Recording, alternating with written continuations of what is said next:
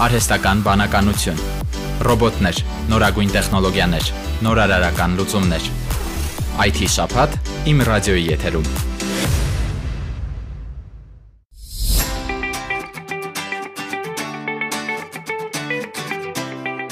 Շնորհավոր ամանոր եւ Սուրբ Ծնունդ։ Ողջույն սիրելի ռադիոլսողներ, իմ ռադիոյի եթերում 2023 թվականի առաջին IT շաբաթն է։ Ձեզ հետ է Սյուզի Լևոնյանը։ Այսօր միասին կամփոփենք անցած 2022 թվականի ՏՏ ոլորտի ամենամեծ ու հետաքրքիր միջոցառումները։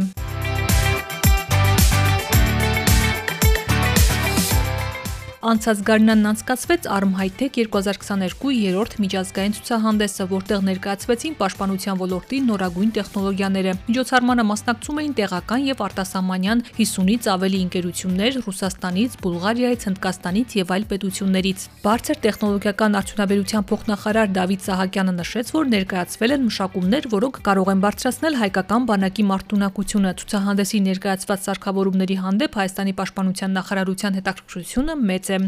Ակնկալիքները կարելի է այսպես ասել բիզնես ակնկալիքներ են, այսինքն առաջինը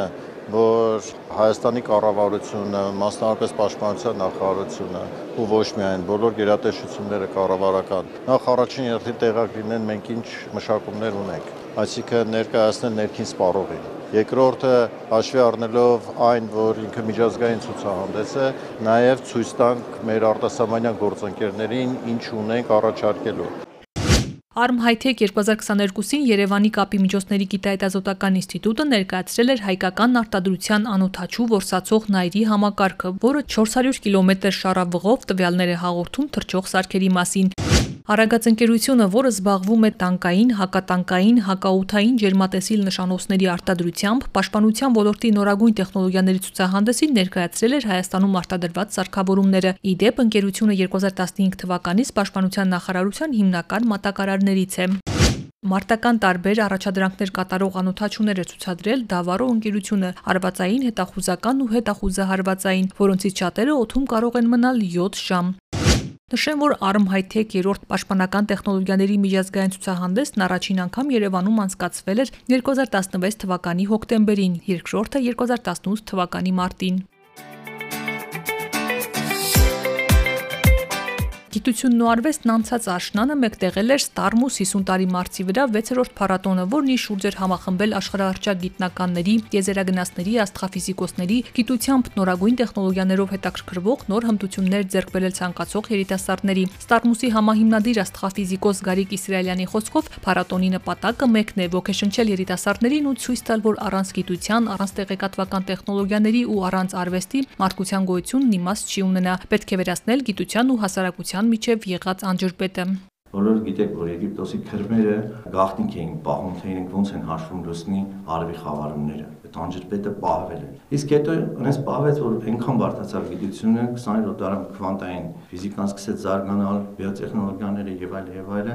ու այդ բարդությունը արդեն սկսեց այդ անջրպետը ստեղծել գիտության ու հասարակության մեջ։ Ու եթե աշխատանք չկատարվի հատուկ, որ այդ անջրպետը կչացվի, որտեղ եթե հասարակությունը չհասկանա գիտությունը ինչի համար է պետք, չի գնահատվի, հարկեր չեն վճարի ու գիտությունը կմահանա։ Այսինքն անպայման պետք է հասկանան մարդիկ դրա կարևորությունը։ Ես չեմ ասում, որ իրենք հասկանան քվանտային մեխանիկան, բայց գոնե հիմնական բազան գիտական ինչի է արվում, ինչպես է արվում գիտական մեթոդիկան, ինչ է կարևորությունը եւ որ iPhone-ը գիտնականներն են սարքում, ոչ թե Աստվածն է ստեղծել։ Դա գոնե պետք է դա հասկանան։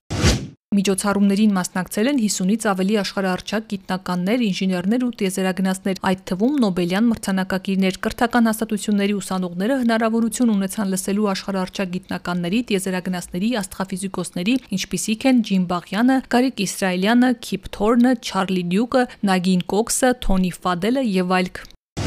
Բացի յուրահատուկ դասախոսություններից, կլոր սեղան քննարկումներից երկու մեծ համերգ էլ տեղի ունեցավ։ System of a Down խմբի մենակատար Սերժ Թանկյանը նշեց, որ իր համար մեծ պատիվ էր հանդես գալ այս փառատոնին։ Գարիկ Իսրայելյանն էլ առանձնացրեց լեգենդար Queen խմբի գիտարահար Brian May-ի համերգը, քանի որ բոլոր Starmus փառատոններին նա հանդես է եկել 1-2 կատարմամբ, բայց Հայաստանում նա ունեցավ 5 եւ ավելի ելույթ։ Միջոցառումների շարքում էին նաև 108 րոպե կլոր սեղան քննարկումը Նոբելյան մրցանակակիրների մասնակցությամբ Star Party-ին, որ աշխարհարչակ հյուրերի ու գիտնականների մասնակցությամբ կազմակերպվել էր Գառնիում, Սթիվեն Հոքինգի մեդալի հանձնման արարողությունը եւ այլն։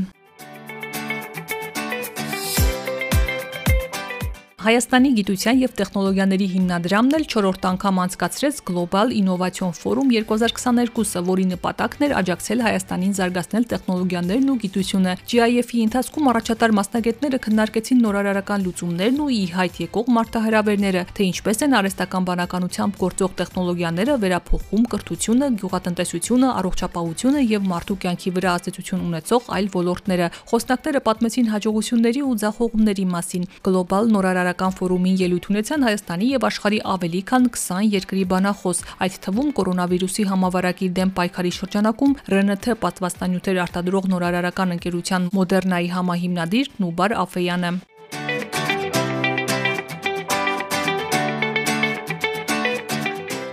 Երևանի եւ Տավուշի դպրոցներում անցկացվեցին արհեստական բանականության մասին համալսարանական կուրսեր։ Հայաստանի գիտության եւ տեխնոլոգիաների հիմնադրամի գործադիր տնօրեն Արմեն Օրուջյանն էլ կարևորեց երիտասարդներին ավագ դպրոցից արհեստական բանականության գաղտնիքներին ծանոթացնելը։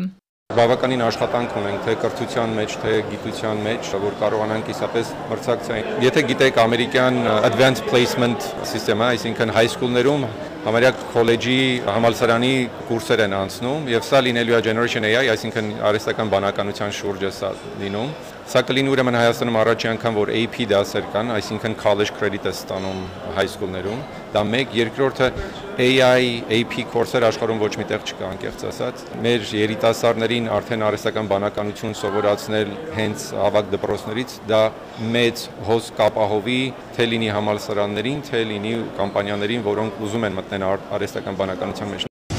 Նշեմ, որ GIF-ի մեկնարկը տրվել է 2017 թվականին։ Մեքենայական ուսուցումը գիտական հայտնագործությունների խթան թեմայով հայկական գիտական համայնքի եւ նրանց արտասահմանյան գործընկերների միջև շփման կարևոր այս հարթակը վերանվանվեց Global Innovation Forum արդեն 2018 թվականին եւ հաջողությամբ անցկացվեց նաեւ 2019-ին համաշխարհային համավարակի եւ դրա հետևանքով առաջացած սահմանափակումների պատճառով GIF-ը 2 տարի չանցկացվեց։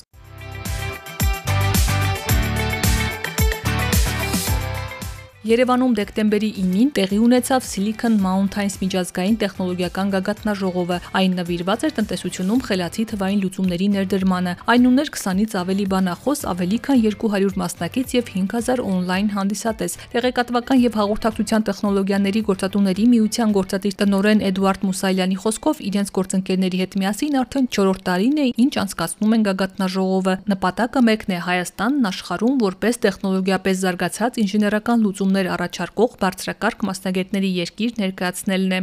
Մենք այս ֆորումի ընթացքում, այսինքն սամիթի ընթացքում, գաղթաժողովի ընթացքում փորձելու ենք հնարավորինս տարատեսակ թեմաներին անդրադառնանք եւ կարծում ենք ներկաները եւ այն մարդիկ, ովքեր կդիտեն արցանց տարբերակով, հետարքիր ինֆորմացիա կքաղեն եւ ունենալ ենք նաեւ բացառիկ պանելներ, որը պանելային քննարկումներ, որը կարելի ասել այլ միջոցառման ժամանակ դեռ հանդիսատեսը չի տեսել։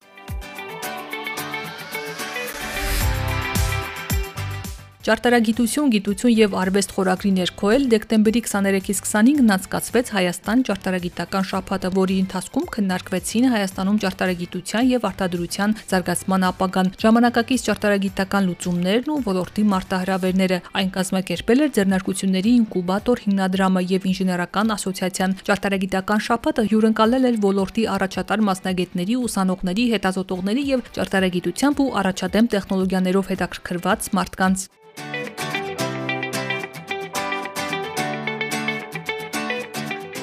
Ահա այսպիսին էին 2022 թվականի տեղեկատվական տեխնոլոգիաների ոլորտի իրադարձությունները։ Այս նոր տարվա կարևոր միջոցառումներից մեկը կլինի Digitech ցուցահանդեսը, որը մեկ հարկի տակ կհավաքի ՏՏ աշխարհի հեղինակավոր ընկերություններին։ Առաջատար տեխնոլոգիաների ձեռնարկությունների միությունը այն կանցկացնի մարտի 10-ից 12-ը մարզահամերգային համալիրում։